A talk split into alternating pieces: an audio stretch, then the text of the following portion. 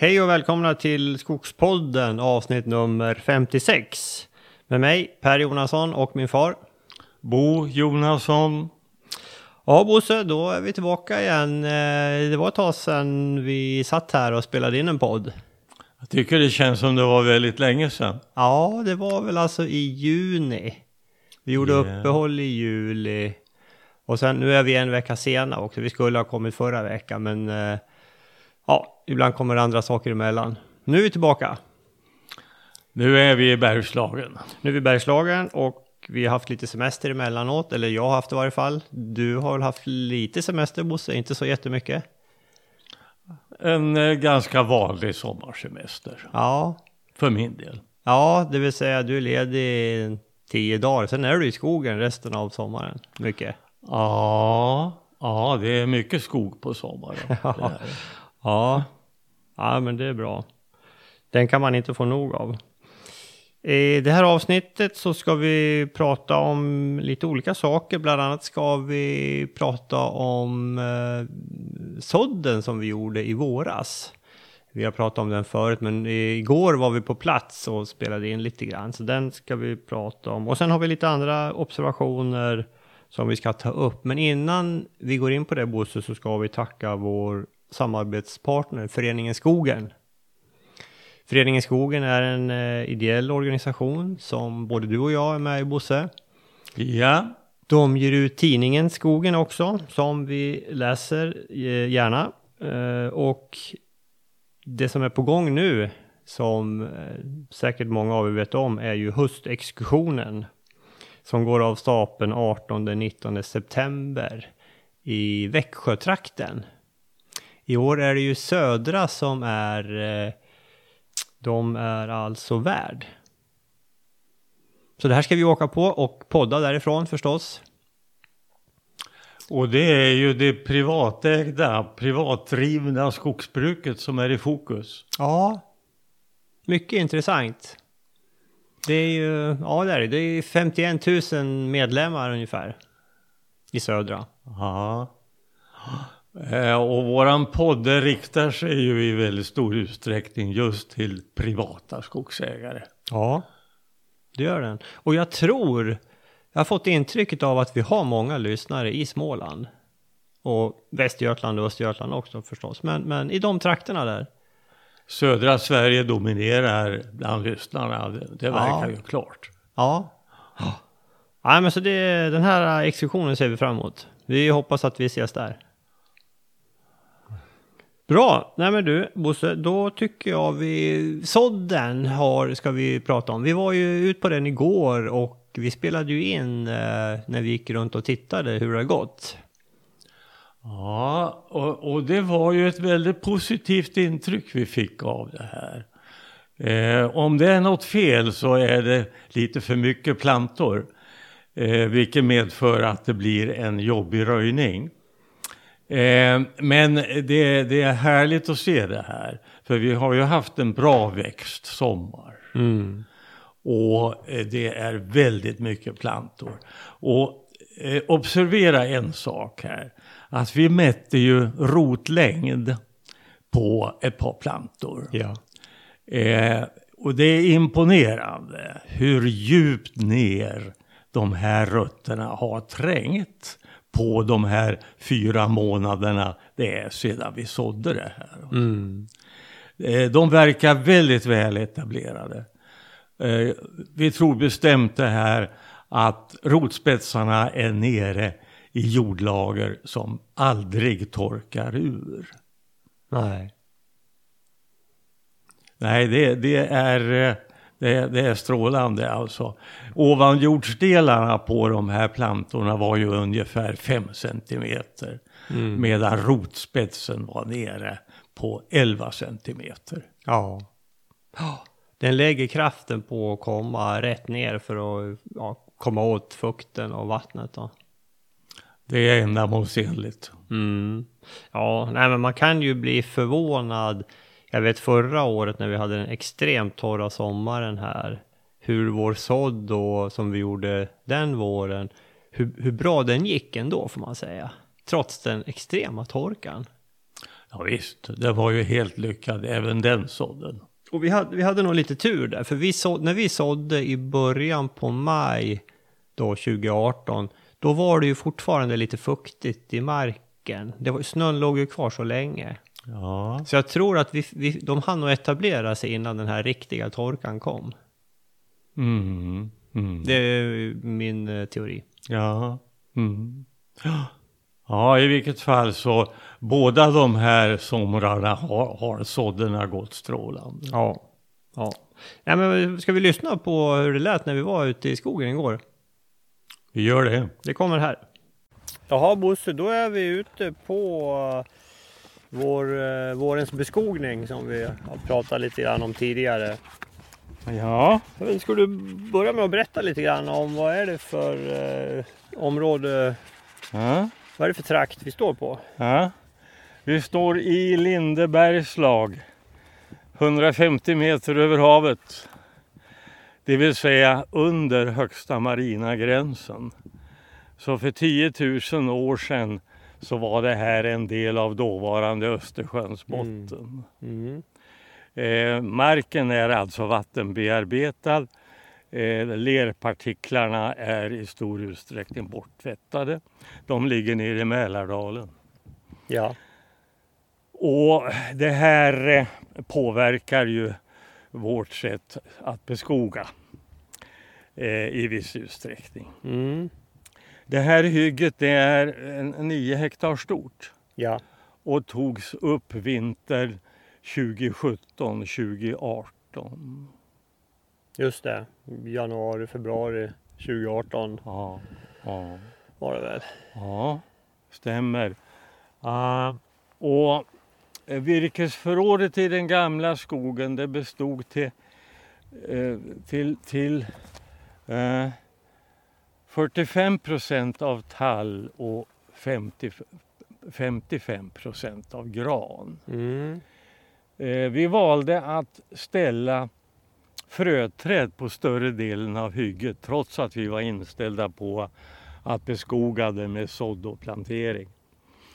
Eh, vi vill ha de här fröträden som en reserv. Ja. Vi vill inte ha några totala misslyckanden och vi vet det att skulle sådden och planteringen mot förmodan ha misslyckats så hade vi fröträden i beredskap. Mm. Eh, Den 21 september 2018 så kom det en märklig stormby som drog fram över, de, över delar av Gusselby, bland annat det här hygget. Mm. Så här föll under några minuter så föll det här över hundra fröträd.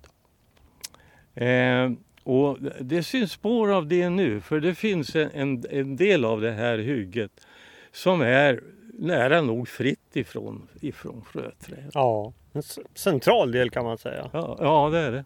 Mm. Mm. Ja. ja. Det var lite olyckligt. Ja. ja. Ehm, och lite extra jobb förde det Mm. med sig. Ja. Eh, I östra delen av det här hygget så, så är det faktiskt en, en riktigt bördig mark. Mm. Vi står alltså nu på en, en stenig kulle och öster om den så är det som en dal eh, med eh, sediment. Ja. Och eh, nere i den där dalen så fanns det förhållandevis gott om träd som var 30 meter. Mm. Medan det på resten av det här hygget eh, var eh, 27 till 28 meters träd. Ja. Tallarna och granarna var ganska precis lika höga i genomsnitt. Mm. För vi, vi mäter som, som regel ett, ett eh, ganska stort antal träd för att kartlägga eh, produktionsförutsättningarna. Ja. Det vi har gjort här också det är att vi har ställt kvar grupper av eh, undertryckt gran. Mm. Det var faktiskt 18 stycken grupper. Just det. De representerar inte någon jätteareal men eh, eh, det här, vi, vi tycker att det här är positivt. Det, det skapar en flygande start på en liten del av hygget. Ja, Nej, men det blir en variation på hygget också. Man Ja. bryter ju av. Det blir inte den här stora ytan riktigt. Eh, Nej, Det nej. ser, det ser ju bättre ut på något Ja, sätt. ja. Eh, vi har eh, 30 meter bort har vi en sån grupp och i västra delen av hygget eh, några hundra meter åt det hållet där är det faktiskt riktigt hyggliga sammanhängande grupper av gran. Ja, får man ju säga. Mm. Absolut. mm. Tycker någon ser någon grupp där, där de högsta granarna är väl i alla fall åtta meter. Ja, det är de nog. De. Mm. Ja. Just det. Och sen eh, har vi markberedd ju sent i höstas också. Eh, eh, ma- markberedd, markberedd är alltså, eh, alltså hösten eh, 2018. Ja. Mm. Ja, Efter vi kört ut groten då. ja, groten var utkörd då. Och det här var, det här är faktiskt inte särskilt lättarbetat hygge när det gäller beskogningen. För att det var en tjock humus. Mm. Väldigt tjock humus på sina ställen. Och under det var det väldigt mycket sten. Ja, sp- speciellt på den här åsen vi står på nu. Här är ju väldigt stenigt. Ja visst. Eh, här, den här steniga åsen den, den, den myllsådde vi faktiskt. Mm. Eh, för, att, eh, för att vara säkra på att det verkligen skulle bli skog. Mm. Och, och det här har ju gått bra. Eh, generellt sett på hygget så, så är det ju mängder av plattor. Ja, verkligen. Och det... Men, och även på den här steniga åsen. ja, Alltså. ja, visst. Men, men eh, eh, myllsådd i sån här terräng, det är klart jobbigt. Alltså. Ja. Och här Bosse, jag, nu, jag tittar mig runt omkring här. Här planterade vi ingen gran. Nej, här uppe, planterar vi på, ingenting. uppe på den här åsen. Utan Nej. här var det lite granfrö i, eh, i fröblandningen. Ja, helt övervägande tall med en, en liten andel gran. Just det, just det. För vi har ju alltså planterat gran i den västra och östra delen. Så i större delen av hygget har vi planterat gran. Men inte på den här steniga åsen. Nej, riktigt, riktigt. Nej. Och det är en glesplantering av gran. Ja, Ungefär 1200 stammar per hektar. ja. Vi har varit lite flexibla beroende på hur bördigt. Vi, Mm. ner, ner i dalen här gick vi ju lite tätare för där Mm, är ju Mm. väldigt bördigt. Ja, just det. eh, Där justerade vi till avståndet. Tror vi gick ner på tre meter där. Ja, just. Mm. Ja, vilket då gör ungefär 5000 delat med 3, det är, 16, det är 1700 Ja, stammar. Ja, precis. Ja. Ja, men där tycker jag man kan ha en flexibilitet. Mm, mm, mm, mm, mm. Ja, men annars då? Vi, när, när, när började vi? Kommer du ihåg det? Eh, eh, eh, ja, nej det gör jag inte. Nej, men det var, jag tror det var vid påsk eh, Ja. ungefär. Ja, Och, sen är nästa fråga, när kom påsken år? Men alltså april var ju väldigt torrt. ja, Så jag tror vi väntade lite med sådden ja, tills vi såg att det var lite bättre väder på gång. ja, ja, ja, ja. ja. Men eh, eh, huvudsaken är att vi konstaterar här nu att det är väldigt mycket plantor. För att den här eh, sommaren 2019 det var ju en väldigt fin växtsommar. Just det. Efter den torra april så kom det, så kom det här. Eh, 200 millimeter från första maj till sista juni. Ja. Eh, så att det, det, blev aldrig torrt. Nej, det har ju varit väldigt bra förutsättningar Ja. får man säga. Mm. Och det ser vi ju här. Alltså det, nu har inte vi gjort någon beräkning men eh, det, det sprutar ju upp eh, planter här. Ja. Och då ska vi säga det att förutom den här steniga åsen som vi myllsådde så har vi alltså ytsått alltihopa det andra Ja, med vårat såddrör. Just det. Alltså vi har gått längs markberedningsfårorna och, eh, eh, och, och, och strött ut frön. Mm. Och valt då i huvudsak ställen som vi tycker ser bra ut ur växtsynpunkt. Men eh, långa sträckor så har vi ju bara gått hela raden fram och bara lagt ut en rad med frön. Ja. Vi har ju, vi bruk, man brukar ju säga 300 gram per hektar tallfrö. Mm. Och, ha, och det, är ungefär, det är drygt 50 000 frön om man tittar på vikten. Mm. Och, och 50 000 frön på en hektar är det 5 000 meter Mm. harvfåra. Mm. Så i snitt är det då alltså 10 frön per meter. Mm. Och så brukar vi säga det att varje meter sår man ju inte. Nej. Det kan vara sten och man vill inte komma för nära den planterade granen. Mm. Så om man sår på varannan meter, Mm. ja då ska man ha 20 frö Mm. på varannan meter. Då. Mm. Mm. Så det, det brukar jag ha som riktpunkt när jag går. Då. Och då blir det ju väldigt enkelt att jobba med såddröret för det har vi kalibrerat. Så snurrar man ett varv på den här veven så har man 20 frön. Mm. Mm. Så jag menar, vi, man kan, alltså är, det, är det bra, är det lite flackt och bra förhållanden då, då klarar man ju av 2-3 hektar på en dag. Om man vill. Ja. Mm. Så det går ju rätt snabbt. Om man ytsår. Vi ska säga det också tycker jag att förra året så hade vi motsatta förhållanden. Då Jaha. hade vi ju ökentorrt Ja. och använde i stort sett samma metod. Ja. Det vill säga plantering av glesplantering av gran och sådd av tall, Mm. ytsådd av tall. Och även det har gått bra. Det har det gjort. Absolut. Där har vi ju... Det, några granar har dött har vi sett och sådär.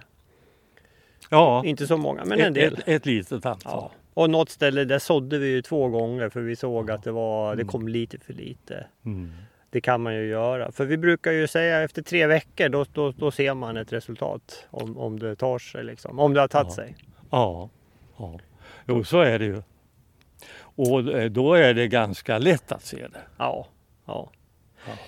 Vi, du grävde ju upp en eh, planta här Bosse. Nu, kan vi, alltså, nu när vi spelar in det här idag är det alltså 4 september. Mm. Alltså eh, maj, Mm. juni, juli, augusti, september. Det är fyra månader kan vi Mm. säga. Mm. Hur, hur mycket hade den växt, eh, fröet? Ja, eh, alltså eh, fröet har vuxit med rot rakt ner mot jordens centrum. Och eh, längden på den här, den är 11 centimeter Under jord. under markytan. 11 Och själva plantan är 5 meter hög, eh, fem centimeter hög. Ja. Ja. Och, och roten är alltså rotspetsen, den längsta nedersta rotspetsen. Den är nere 11 centimeter Ja. i backen. Så man förstår att den lägger ju, den lägger ju fokus på att växa neråt. Ja, visst, att etablera sig Ja. och komma ner med rotspetsen i jordlager som tror jag aldrig torkar ur. Nej. Har den kommit ner så långt då, då, då, då klarar den nog en hel del torka. Ja, ja, ja. Och det här gör alltså såddet till en säker metod. Ja. Ja, vi är ju väldigt förtjusta i den här metoden. Ja, och särskilt eh, nu när vi har såddrören så, så går det ju så lätt. Ja. Ja, visst, och jag menar kvaliteten blir ju väldigt bra eftersom de står tätt och man får upp ett väldigt stort urval. Ja, Nu har vi ju inte gjort någon beräkning här men vi, vi vet ju på vår eh, sådd i Småland har vi gjort någon, där ligger vi på 8 till 10 000 plantor per hektar. ja, Och vi här, jag tror nästan vi ligger på mera här för det har tagit sig så väldigt bra. det här är ganska säkert högre tal än, än i Småland. Ja, Dessutom den här småländska, den är ju tio år gammal den sådden nu. Så att den här avgången som naturligtvis ändå sker i ungdomen, det, det stadiet är ju avklarat ja, i, i Småland. ja. Här är jag, jag står och tittar på en fläck här eh, vid en, ett Ja. par meter bort. Här. Det är- Ja. Det är som en eh, grön matta av eh, tallplantor Ja. och, och där också ser man. Ja. Ja, det är jäkligt kul att se. Och plantorna är kraftiga, de är som rakborstar. Ja. Ja, Vad finns det något mer att säga då? Det, var, det här var ju ganska gammal skog som stod här. Vi hade, det började komma in lite törskate. Jag vet inte, hade vi några... Hade du andra, var det några döda granar? En del? ja det var ju en, en del torrträd, visst var det det. Men det här, vi hade inga, inga barkborreskador i det här. Nej. Nej. Eh, det har vi på andra håll i skogen nu istället. Mm. Men eh, eh, det här var verkligen i hög grad eh, moget för slutavverkning. Mm. Nä- Nästa åtgärd här det är ju att avveckla huvuddelen av de här frötallarna. Just det, när tror du man gör det då? För nu... Eh, man, man får kanske tänka att, eller hur tänker du där Bosse? För nu, nu ser vi ju att det kommer ju upp väldigt mycket. Vill du ändå vänta med att ta bort frötallarna ett tag? Eller hur tänker du? Ja, allt, allt vore det trevligt att utnyttja den här ökade tillväxten som friställningen ger. Eh, Ja, ja, ja. Så du får upp, alltså vi bygger upp lite värde på, Ja. extra värde på frötallarna. Ja. ja. För de här frötallarna de är ju ställda med tanke på att de ska producera värde. Mm. Det, det är bra kvalitet i de här. Ja. Och det, det skulle man väl vilja utnyttja. Men vi, vi kommer ju absolut inte att ha dem stående så länge så att det blir brunnar omkring dem. Brunnar där plantorna blir eftersatta. Nej. Nej, Eh, så det, det kommer vi att hålla ögonen på. fyra, fem år kanske? Ungefär. Ja. Någonting Ungefär. sånt. Någonting sånt. Ja. Och jag skulle nog tro att på ett par ställen här så kommer vi då att ställa kvar faktiskt eh, grupper av, av, av tall. Mm. Eh, de, de ska då stå lite vindskyddat och det har vi möjlighet till här. Mm. Eh, grannarnas skog kan bilda lä åt oss. Ja. Eh, eh, och och jag, jag tycker vi kommer inte att ställa kvar några typ evighetsträd som man nu, nu pratar så mycket om och ser så mycket av. Utan det vi gör det är att vi ställer kvar rejäla grupper istället. Mm. Ja, men vi, vi samlar ju de träd vi ställer kvar samlar vi i grupp. Ja, ja, eh, försöker ja, vi göra. Inte, inte enbart men i, i stor utsträckning. Ja. Ja. Ett par saker till kan vara värda att prata om. Vi har faktiskt planterat ungefär 300 tallar Just det. och det har vi gjort nära hus. Mm. För att vi har eh, bebodd mark alldeles utanför gränsen. Ja. Och där har vi planterat tallar. Mm. För att få störning då så att inte Ja. älgarna äter upp den. Ja, ja. Och eh, sen har vi planterat också lärk. Ja. Och samma sak där. Det är också nära människobo- människans boningar. ja. Och det är sibirisk lärk. Det är sibirisk lärk. Mm. Ja, den är ju fin. Mm, mm, mm. Eh, den här norra hyggesgränsen här, Mm, mm, den har vi gått upp med kompass i nordost sydväst. Just det. Eh, med tanke på vindriktningarna och stormfällningsrisken. Mm. Eh, just den här eh, riktningen nordost sydväst den har vi tillämpat i ren gradskog på ett par ställen på skogen. Och jag har kommit att tro väldigt mycket på den Ja. ri- riktningen på, på Mm. hyggesgränsen. Mm. I övrigt eh, mot eh, längst i öster och längst i väster så går det här hygget, gränsar det här hygget mot främmande mark. Mm. Ja, just det. Nej, den, den gränsen kunde vi ju bestämma själv. eh, Ja. Just det. Mm. Eh, beträffande det vi ställer kvar. Vi har ett drog i västra delen av hygget. som blir kvar, där blir det kvar ganska mycket träd. Ja, Och det är inte bara tall utan det är lite annat också. ja. Bland annat en hel del löv. Nej, det, det blir bra tycker jag. Ja, det tror jag. Mm. Det gör ju att eh, hygget krymper liksom. Ja. Mm. Man får den här skogliga känslan. Ja, Ja. ja vad spännande. Nej, men det här blir kul att följa. Det är ju... Hoppas den, eh, att, den, att den kan eh, fortsätta växa så fint nu här. Ja. Plantorna. Och det finns väl mycket som talar för det. Ja. Vi vill ju ha upp en lika fin eh, tallsådd som vi har i Vassemåla där som vi har pratat flera gånger om. Ja. Mm. Som har klarat hotet ifrån älgen på ett så bra sätt. Ta i trä. Ja. Ja, det är knappt man vågar säga det. Nej.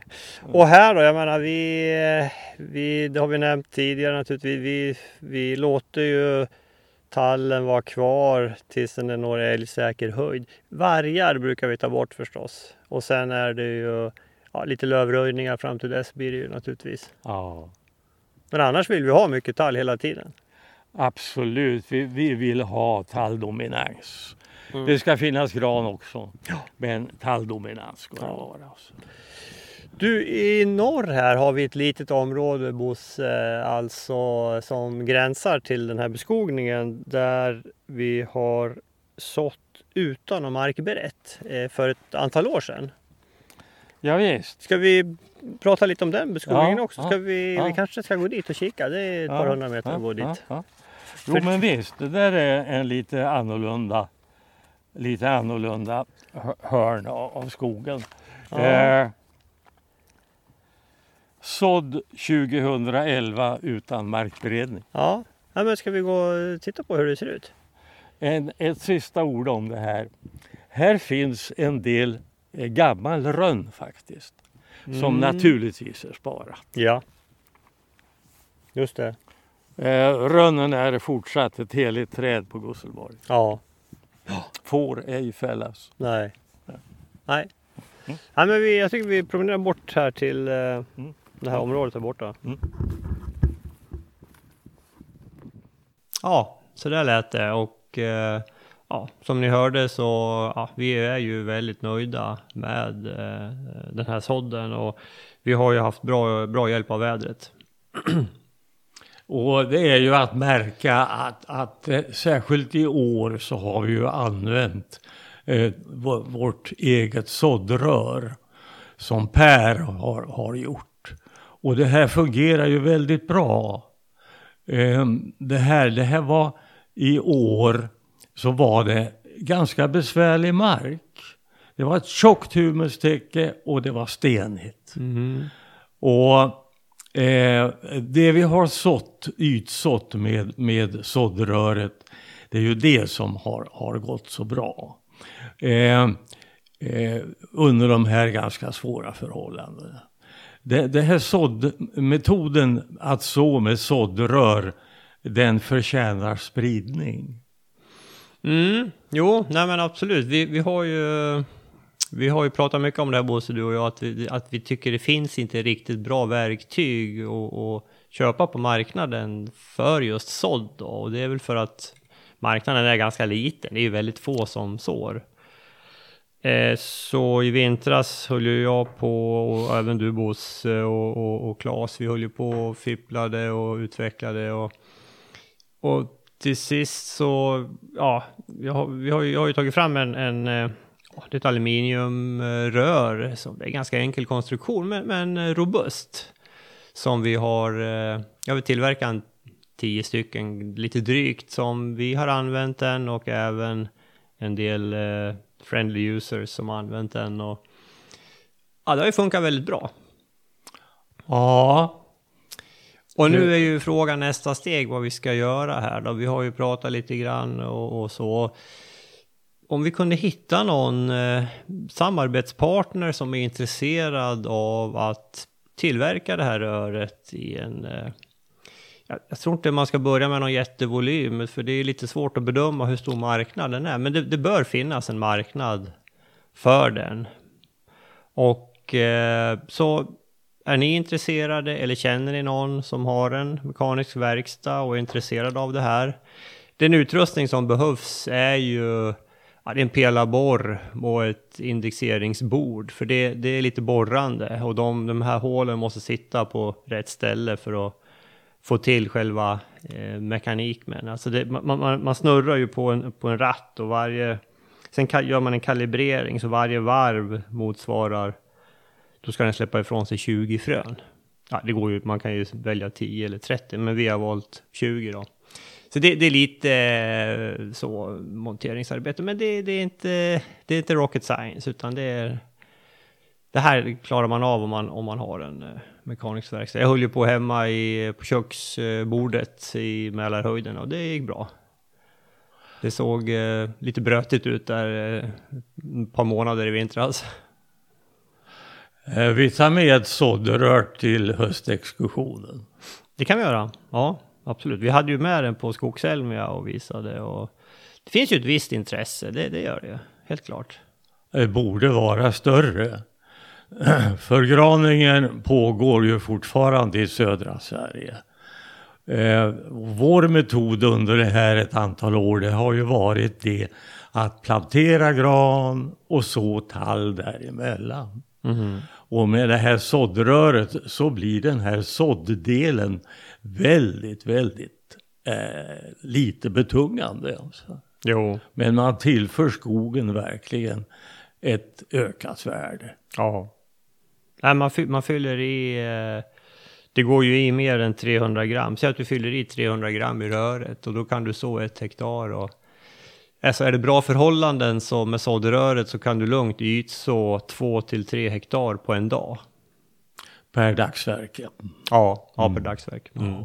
Så det är ju, det går ju snabbt. Ja. Vi, var, vi hade ju, ja, du och jag och Claes sådde, vi hade väl varsitt rör och gick runt där. Det, ja, det, det går ju blixtsnabbt. Ja.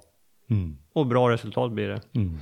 Så ni som har en mekanisk verkstad hemma eller en pelarborrmaskin och tycker om att hålla på och meka lite grann eller känner någon, uh, hör av er ska vi se om vi kan inleda någon form av samarbete med den då för, för att uh, ja, målet är ju att kunna få ut det här på marknaden och kunna sälja den och mm. ja, vi, vi tycker att det här är väl värt att, att för flera att testa för vi, vi, vi tror stenhårt på det här. Mm. Ja, så hör av er till skogspodden gmail.com. Nog om det Bosse. Vi, eh, när vi var ute igår så gick vi så har vi precis intill har vi ett annat område som är sått för tio år sedan. Åtta ja. år sedan. Och det är lite speciellt för det är alltså sått utan markberedning. Ja. Um, ett område på 0,7 hektar. Ytfuktigt. Mm. Eh, torvlager i backen. Eh, mycket vitmossor. Fukthållande vitmossor. Och mycket vegetation överhuvudtaget. Mm. Och där sådde vi ytsådde utan markberedning med gott resultat. Mm. Vi har gjort det, eh, 2018 gjorde vi det på ett annat ställe och där har vi ännu inte läst av resultatet. Nej, jag har faktiskt inte gjort. Men jag, min tro är att det har gått bra där också. Ja. Där är det ju, alltså, där är det ju inte lika mycket konkurrens ifrån gräs och dylikt. Nej, det är det inte. Utan det är ju liksom vitmossa mera. Mm. Och jag mm. menar, ser man vitmossa jag tycker det känns, det är inte helt intuitivt liksom att ett tallfrö klarar av att gro i den miljön, tycker jag. Nej, men ja. det gör det. Ja, det, det är helt uppenbart. ja, nej, vitmossan är alltså duktig på det här med att behålla fukten. Ja. Och, och måste betona det, att det är alltså inte lavar det här är frågan om. För att vitmossor, det, språkligt så är det ju lite förvirring här. Det, det jag pratar om, det, det, är det vi pratar om, det är ju de här riktiga vitmossorna som heter svagnum på latin. Mm. Och det skiljer sig ju radikalt ifrån eh, eh, eh, ja, vitlav och renlav. Men det tror alltså folk som är skogligt intresserade tror jag vet det. Det är bara SVT och tidningarna som skriver att man ska ta fram vitmossan till jul och så håller de upp eh, vitlav eller något sånt Ja, där. ja. De, de har ju fel på det hela tiden naturligtvis, men eh, alla som är skogligt intresserade tror jag har koll på det. Jag hoppas det. ja, nu har de det i varje fall. Ja, men du, vi spelade ju in en liten snutt där också. Ja. Vi lyssnar på det.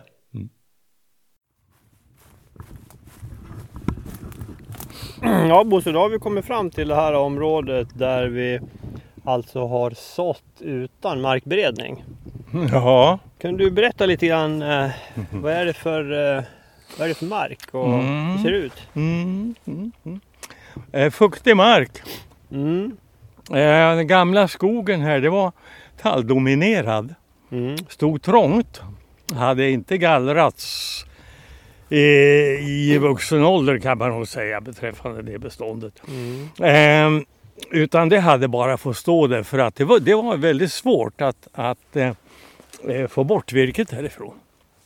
Eh, arealen är liten, 0,7 hektar bara. ja, Och vi avverkade vintern eh, 2010-2011. mm, Och sen sådde vi det eh, våren 2011 utan markberedning. ja. Och då körde du ut, du tog ut groten direkt där då, eller? Det här var talldominerat, vi körde inte ut någon grot. Nej, Den fick ligga. det fick ligga. Ja. Ja. Mm. Det, är inget, det syns ju inte mycket nu av det. Nej, nej, men vi var Nej. inte nere här Nej, och nej, det var inte så mycket. Nej. Nej, faktiskt. Det blev nog så att mycket av riset låg nog i skotarvägarna. Ja, ja, precis. För det är som sagt fuktigt. Mm. Mm. Och det är ju en del, det är mossor i marken.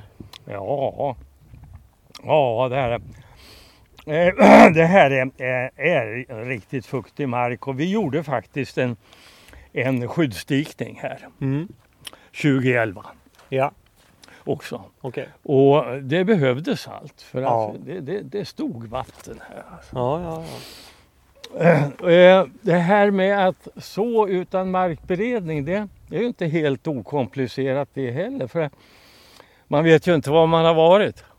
Nej, nej, precis. Man ser ju inte det. Och då tog vi hjälp av den här Walktax, heter det. Walktax. Eh, vi drog alltså ut en bomullslina som ingår i den här Walktaxen. Mm. Vi drog ut den. Jag hade en, en duktig orienterare, ett barnbarn, till hjälp. Hon gick kompass eh, i en viss riktning, eh, antal parallella stråk Mm. och drog ut den här bomullstråden efter sig. Mm. Så det var bara för mig att följa den här bomullstråden och så ytså det här Just det. i mossan. Ja. Eh, och uppenbarligen har det här tagit sig bra. Eh, naturligtvis har det kommit in en massa självsådd ifrån kanterna också. Ja. Eh, för att eftersom det bara är 0,7 hektar. Men eh, jag tror att eh, en stor del av de här plantorna, tallplantorna vi ser här, det är i alla fall sånt som vi sådde då. Mm. Det var ju, precis i början här var det ju en del gran också. Ja, ja, ja. Men du sådde, ni sådde bara tall? Ja, eh, osäker där. Jag, jag skulle kunna tänka mig att vi faktiskt blandade i lite gran också. Mm. Mm. Ja, Men, men, det här ser, ser ju faktiskt nu väldigt bra ut. Jag mätte något toppskott på de här tallarna. Eh, eh, och den jag mätte den, den var tre decimeter. Mm. Eh, och eh, tallarna här är ju alltså en och en halv till ja, en och en halv meter höga ungefär. Ja, just det. Och sen är det ett hav av björk. Ja, jag tänkte säga det. Det, här, det är väl dags att göra en, en, en lövröjning. Ja, Helt klart. ja, ja. Det, det bör vi göra. De börjar ju övertoppa här. Ja, ja. Mm. Men vi har ju lyckligtvis inte sett någon betning här än. Nej, det här tycks ha klarat sig. Mm. Och, och det är ju glädjande. Ja, verkligen. Jag ser där, det där är björken är ju betad. Jaha, jaha. Ja just det, där har de repat löv ja. Ja, men lämna tallarna där. Ja. Ja. Ja, under alla förhållanden så, så kommer det här att, att bli bra. Uh, därför att det är ju så mycket tall. Ja. Uh, jag bryr mig inte om, jag vågar inte uppskatta antalet. Men, men det, det är många tusen Ja, det är det. hektar. Det är det absolut. Nej, men det här var bara, vi ville nämna det här med att man kan även då så på icke markberett. Och det gjorde vi faktiskt förra året också. På en del av den beskogningen. Också ytfuktig mark Mm. eh, som inte markbereddes. Nej. Utan då använde vi den här walktaxen då också Ja. Och, och, och sådde. Mm. Nej, men det är ju det är en bra metod. Ja. Mm. Ja, Och snabb. ja det går ju fort. Ja. Ja. Ja, ja, nej men då... Då sätter vi punkt här då. Ja, det gör vi då. Ja. Ja, så där lät det. Och vi har faktiskt, vi gjorde ju en liten film om det här också. Som, eh, den, den hittar ni på, på YouTube, eh, om ni söker på Skogspodden, vi har en kanal där. Så vi har en, eh, jag vet inte, 15-tal filmer och sådär. Vi gör en film då och då. Och här, vi spelade in en liten film igår när vi ändå var ute och poddade. Så den kommer snart upp där. Gå in och kika på den. Och eh, medan jag kommer ihåg det, numera finns vi också på Spotify-podden. Eh, jag säger det nu för eh, annars glömmer jag bort det. Så eh, ja, ni kan lyssna på Skogspodden även på Spotify numera. Bra Bosse, om vi lämnar sådden då. Vad eh, en, eh, en reflektion som vi har pratat om tidigare här i podden. Det här med det kanadensiska gullriset är inte att leka med. Vi En fick ju se in- det En invasiv art. För av två- värsta slag alltså. för två veckor sedan var vi ju uppe i Kopparbergsområdet. Ja. Och där fick vi se exempel på hur hela ängar var fyllda med det här kanadensiska gullriset. Nedlagd jordbruksmark som helt har vuxit igen med gullris. Mm. Det här, eh, det, det här har inte fått det uppmärksamhet som det förtjänar. Nej. Ehm, man, man pratar ju om invasiva arter. Men eh, enligt min uppfattning så, så tiger man om den här gullriset som är den värsta av alla. Jag har upplevt det på ett ställe i södra Örebro län där det under ett väletablerat och fint björkbestånd kom upp mängder av gullris. Och min tanke när jag stod där då att den här skogen kommer aldrig att kunna beskogas när den här björken huggs ner. Därför att de här eh, gullriset, ja det växer tätt som fingrarna på en hand alltså. Mm. Och det blir meterhögt och över det. Mm. Det blir nog en och en halv, kanske upp till två meter. Alltså. Och kväver allting eh, Ja. annat. Och, och förökar sig dels med jordstammar, dels med superlätta frön, typ maskros. Mm. En väldigt effektiv spridningsapparat har den. Mm. Och du har ju under en längre tid här på gården fört ett krig mot eh, gullriset. Ja, det är nog eh, under ungefär, det måste vara uppemot tio år. Eh, Det var tio år sedan jag uppmärksammade det här att det höll på att er, erövra hela gårdsmiljön här. Och då började jag bekämpningen och har fört den framgångsrikt. Men det är många timmars arbete som är nedlagt på det här. Ja. Och nu är det ju, senast igår när vi åkte på skogen så, så väx, det kommer ju upp några sådana här och längs vägen. Och vi, då stannar vi och så rycker vi upp dem och försöker få med så mycket rötter vi kan då. Hur många var det vi tog igår? Vi drog upp eh, eh, 30 stycken eh, tovor eh, med, med rot. Mm. Eh, och de etablerar sig väldigt bra på vägkant. Mm. Eh, frågan är ju hur fröna kommer dit. Men, eh, men människor och bilar kanske. Ja. Eh, och ifrån det där kan de sen väldigt lätt sprida sig ut i skogsmarken. Mm. Och det måste man förhindra. Alltså. Ja. För, för får de fäste och etablerar sig, då är, det, då är det svårt att få någon annan beväxtlighet där. Ja. Har ni vägarna förbi Kopparberg så kika på de här fälten där, för det var, det var helt otroligt. Stora Det är ytor. gamla genomfarten genom Kopparberg som man åker. Ja. Och det här var väl i Bångbro tror jag. Den delen av, Kopparberg Så, så kan det vara, ja, just det. Ja, det väl, östra sidan av vägen. ja. Mm. Ja, så det är ett tips. Håll utkik efter det här och ser ni något, på med det, ryck upp det med rötterna direkt. Mm. Jonas sa att eh, hans får eh, åt det. Ja, så det uppfattade inte jag. Ja, så det kan vara ett tips om, om man har får, att man eh, bussar över fåren eh, på det. Ett bra skäl att skaffa får. ja, just det.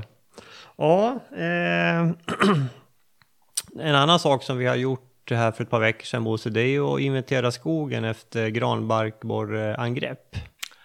Granbarkborrarna upptar en stor del av skogstänket nu. Alltså. Mm. Vi hittade ju tyvärr ett antal härdar. Ja, vi har ju lagt ner några dagsverken på att göra en preliminär inventering av det här.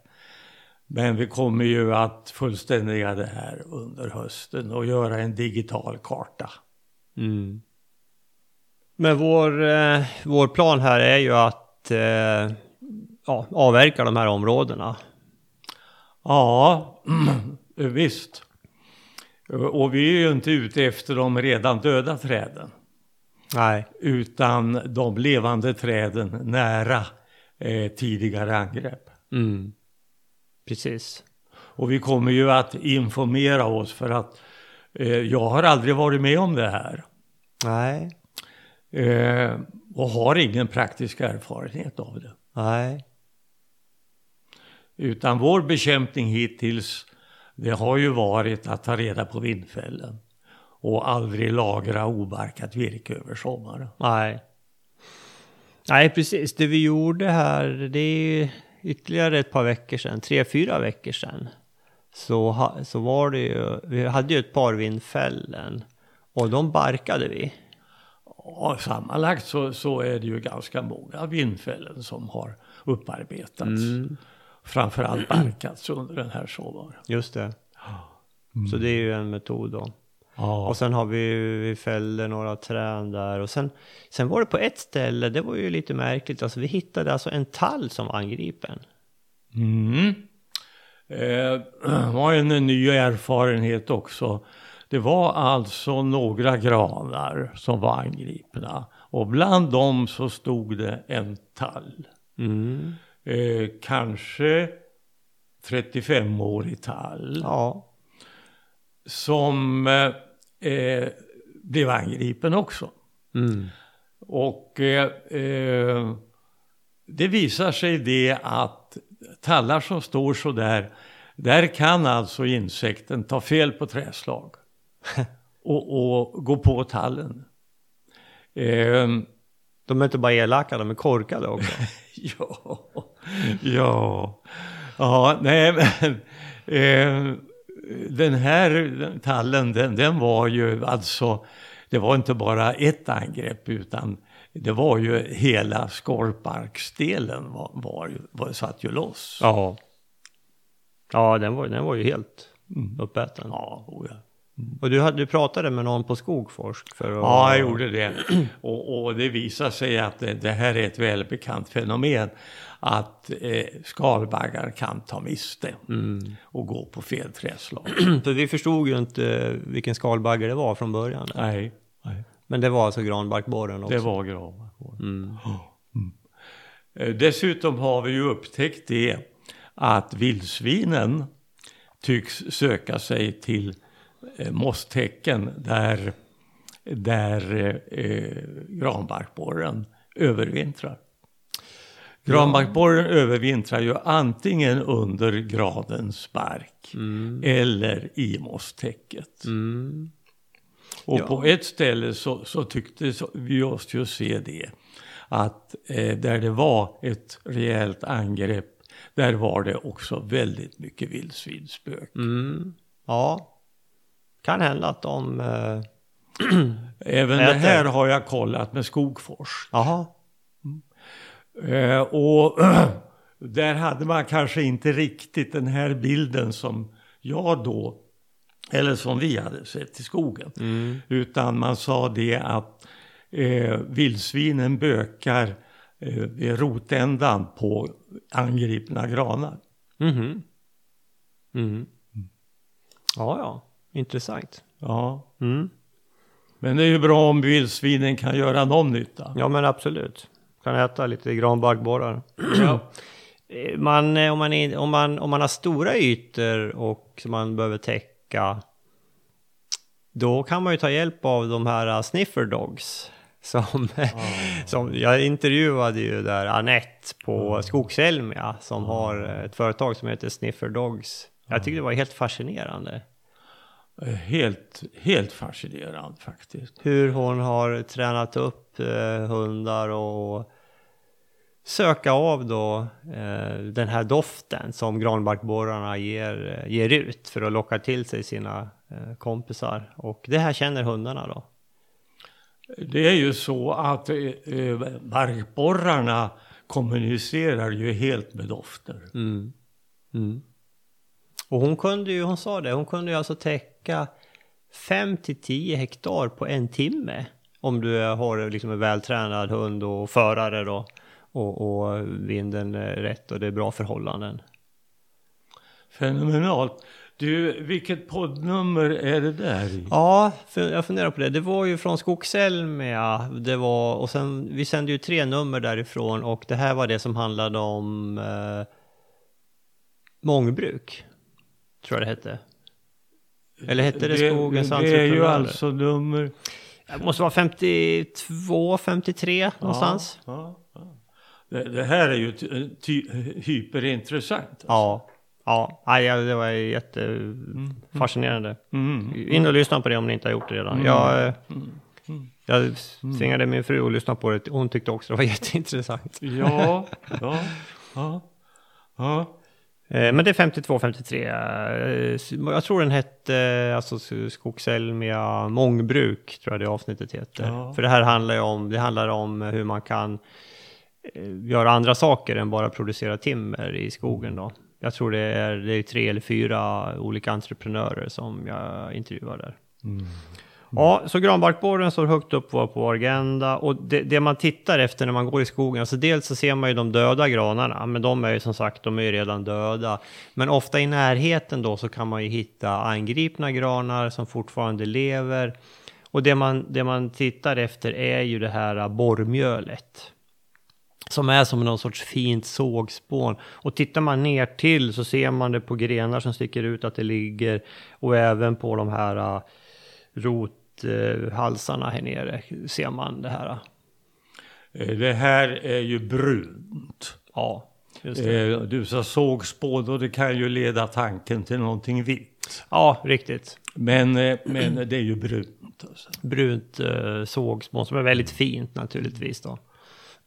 så ut och kika på det här och vi kommer att fortsätta, vi märker upp och sen, jag menar tanken är att vi ska avverka då en, en, en ganska rejält i, ut kring det här då så att vi liksom får bort det verkligen. Ja visst. Planering. Frågan är sen hur man går vidare nästa år. Men eh, jag skulle väldigt gärna prova feromonfällor. Just det, det, det har vi pratat om. Ja, det, det, jag jag vill, vill gärna göra det. Jag, jag tror inte på några underverk med dem. Men man kan hålla sig informerad om barkborreläget. Ja. Och alltid dödar man några. Ja, Och jag skulle till och med kunna tänka mig att lägga lite fångstvirke. Det vill säga eh, gran som är avverkad under vintern. Att man låter det ligga kvar lite längre än det brukar göra. Mm. Men man ska naturligtvis ta bort det i god tid innan den nya generationen lämnar det där fångstvirket. Ja. Men det kan i alla fall ligga kvar och fånga lite grann. Jag känner behov av att göra vad man kan. Mm. Nej, men de här fällorna är ju ingen dum idé. Det, det, det ska vi nog prova. Och där har ni erfarenhet av det här med fällor så hör gärna av er och berätta hur man, hur man går tillväga så kan vi ta upp det i nästa avsnitt. Ja, mm, bra. Mm. Jaha, eh, Men det gäller ju att sätta ut de här fällorna inte in i granskog. Inte. nej, Nej, ute på hyggen. på hygget. En bra bit ifrån skogskanten. Ja, så man inte drar in liksom borrarna in i skogen utan ut med dem. Ja, eh, något annat som vi har sett här Bosse är ju att det är ett rönnbärsår. Ja, just det. Och oxel. Mm, Oxel.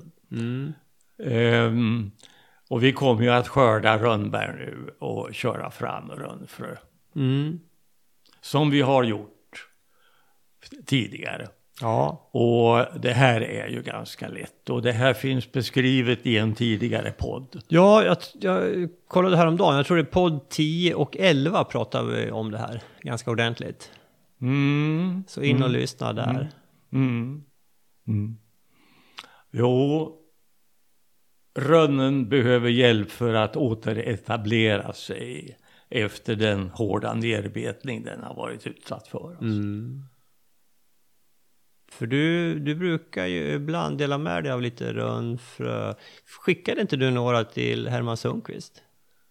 Jo, det har jag nog gjort, ja. ja. Mm. Du, vi får höra med honom på exkursionen här hur det har gått för hans rönnar då. Mm, mm, mm, mm, mm.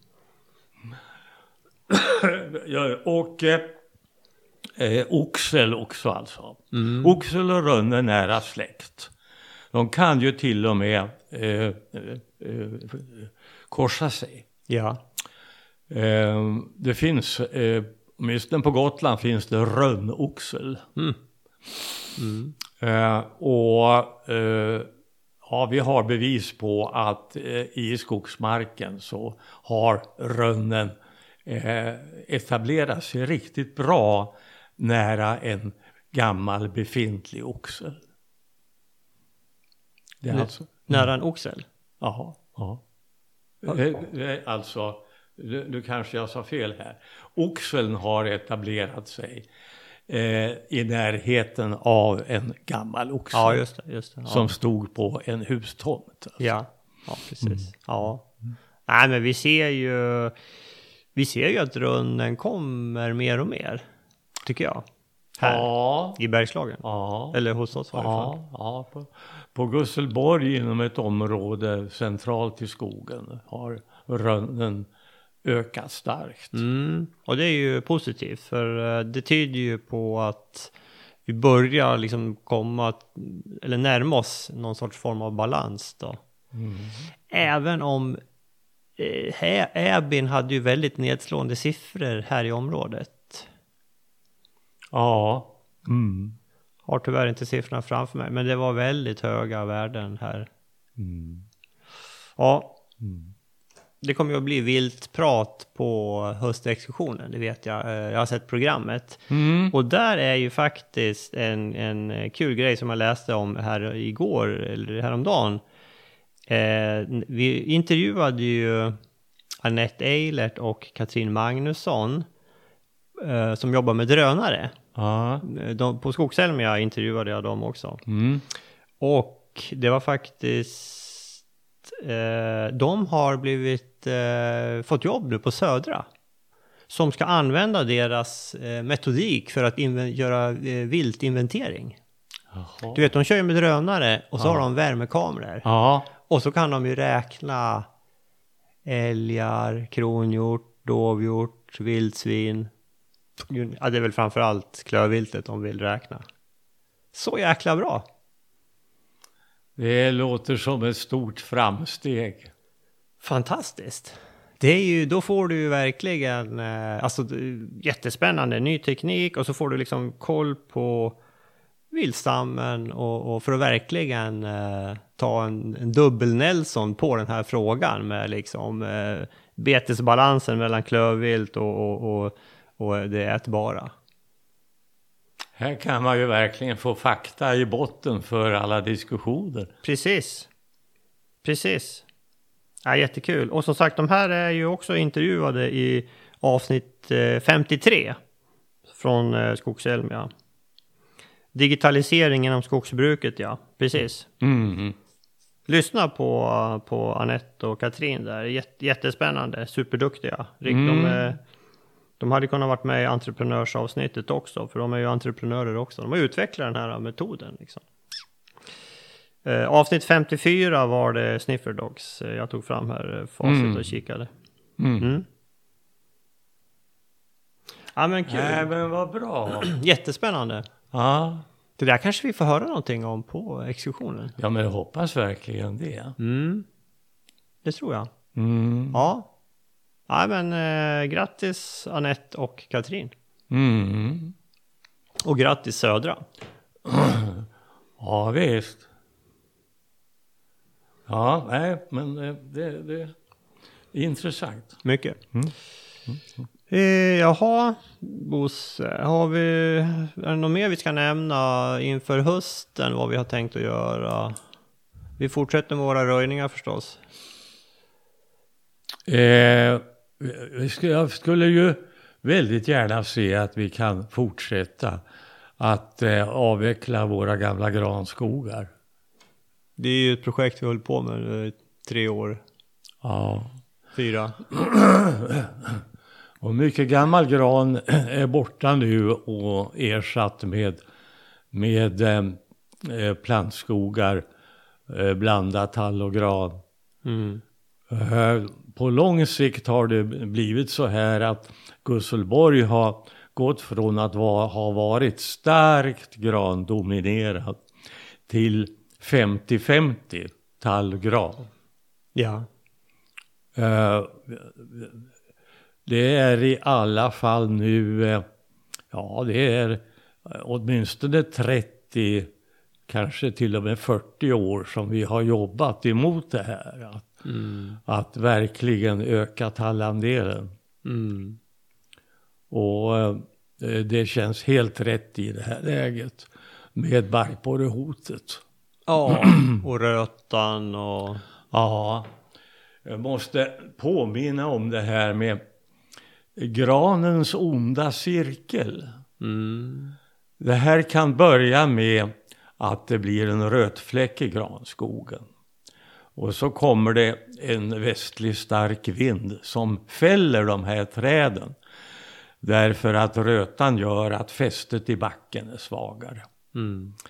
Eh, nästa sak som händer det är att granbarkborrarna kommer.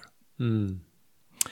Och så blir det förutom det att det har blivit en, en rötlucka, stormlucka, så blir det ju en barkborrelucka. Alltihopa på samma ställe. Mm. Eh, de här barkborrarna, de kan sen hjälpa till att sprida sporer av rötan. Det finns en doktorsavhandling som har visat det här. Annars har jag inte sett det här uppmärksammat någon gång. Nej. Men det tycker jag är en väsentlig kunskap mm. att ha i bakfickan. Mm. Mm. mm. Ja. ja, så det där är ju, det blir ju en ond cirkel verkligen. Ja. Mm. Nej, det är ju märkligt för just den här att många planterar gran då även på lite magrare marker är ju för man för man tycker ja men det är ett säkrare träslag, det är enkelt att beskoga, man slipper det med viltbeten. Men, men vi, vi säger ju nästan tvärtom, utan det, det känns säkrare med tall, även om Visst, man har viltbetesproblematiken, men den löser man genom att få upp 10 000 planter per hektar. Då, då, då hanterar man det. Men, men granbarkborrarna, de, de, de kommer du inte åt. Eller rötan. Svårare att komma åt i varje fall. Absolut. Och dessutom så har vi ju kronviltet. Ja, just det. Som har, eh, hotar granskogarna. Ja, kronhjorten ja, precis. Och den, eh, ja, den sprider sig ju. Så är det ju bara. Den, eh, Vi har, vi har väl inte den här, men det är inte så långt härifrån. Finns ru- runt knuten. Eh, 15 kilometer härifrån så Ja. finns de ju. Ja, det är bara en tidsfråga innan de Ja. Och det är ju likadant i Småland, där, där är uppe ute i Västervik finns det ju väldigt mycket kronor. Ja. Men där vet jag jägarna i, i Vassemålområdet, de, eh, de gör ett bra jobb där och hålla efter den. eh, För de, eh, de är medvetna om det här och jag, jag har själv hört att de har sagt att vi ska inte hamna i den situationen som vi har i Västervik, utan vi måste vara på vår vakt och jaga, jaga mera sånt. Så det, det är bra. Mm. Bra. Är det någonting vi inte har nämnt, Bosse? Eh, jag kommer faktiskt inte på något mera eh, just nu. Nej, vi kan väl bara påminna om eh, det här vi nämnde med såddröret. Håller ni själva på eller känner någon som har en liten mekanisk verkstad eller välutrustad snickarbord, behöver en pelarborrmaskin och en, en någon form av indexeringsbord för det här och är intresserad av ett samarbete med oss då för att ta fram ett såddrör för att kunna sälja det. Eh, hör av er till oss så kan vi diskutera vidare. Vi tycker det skulle vara kul att få ut den här på marknaden. Ja, dessutom så tror vi att skogsbruket skulle vinna mycket på det. Ja, alltså vi har ju sett hur, hur smidigt det är att jobba med det här och hur jäkla fina tallungskogar man kan få upp alltså. Eller bland, blandbarrskogar. Ja, vi tycker att vi har faktiskt väldigt fin, fina tall, eh, blandskogar av tall och gran. Och vi, eh, vi, vi pratar ju mest om tallsådd här, men jag menar det händer ju att vi blandar i lite gran i fröblandningen också. Fröna ser väldigt lika ut. Ja, då får man ja, lite gran förstås då också i, i, i sådden. Mm. Eh, ska vi säga ett ord om törskaten? Eh, den här, eh, när vi nu håller på och söker upp de här barkborrefläckarna och avverkar dem, eh, så kommer vi ju att, att eh, eh, beröra ganska stora områden med maskiner. Och när vi eh, gör det här så ska vi också titta efter törskatetallar. Levande törskatetallar, inte döda. Nej. Eh, vi tycker det finns skäl att hålla efter törskaten så mycket det går. Och det är på grund av att eh, alltså fröna ifrån en törskatetall eh, de kan de, eh, ha en större benägenhet att ge törskatetallar alltså.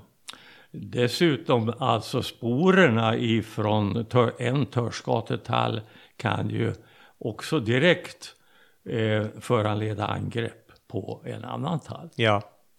Eh, vi har ju en podd om det här också. Mm. Det har vi. Vilket nummer det nu är, men det är ett ganska högt nummer. Mm.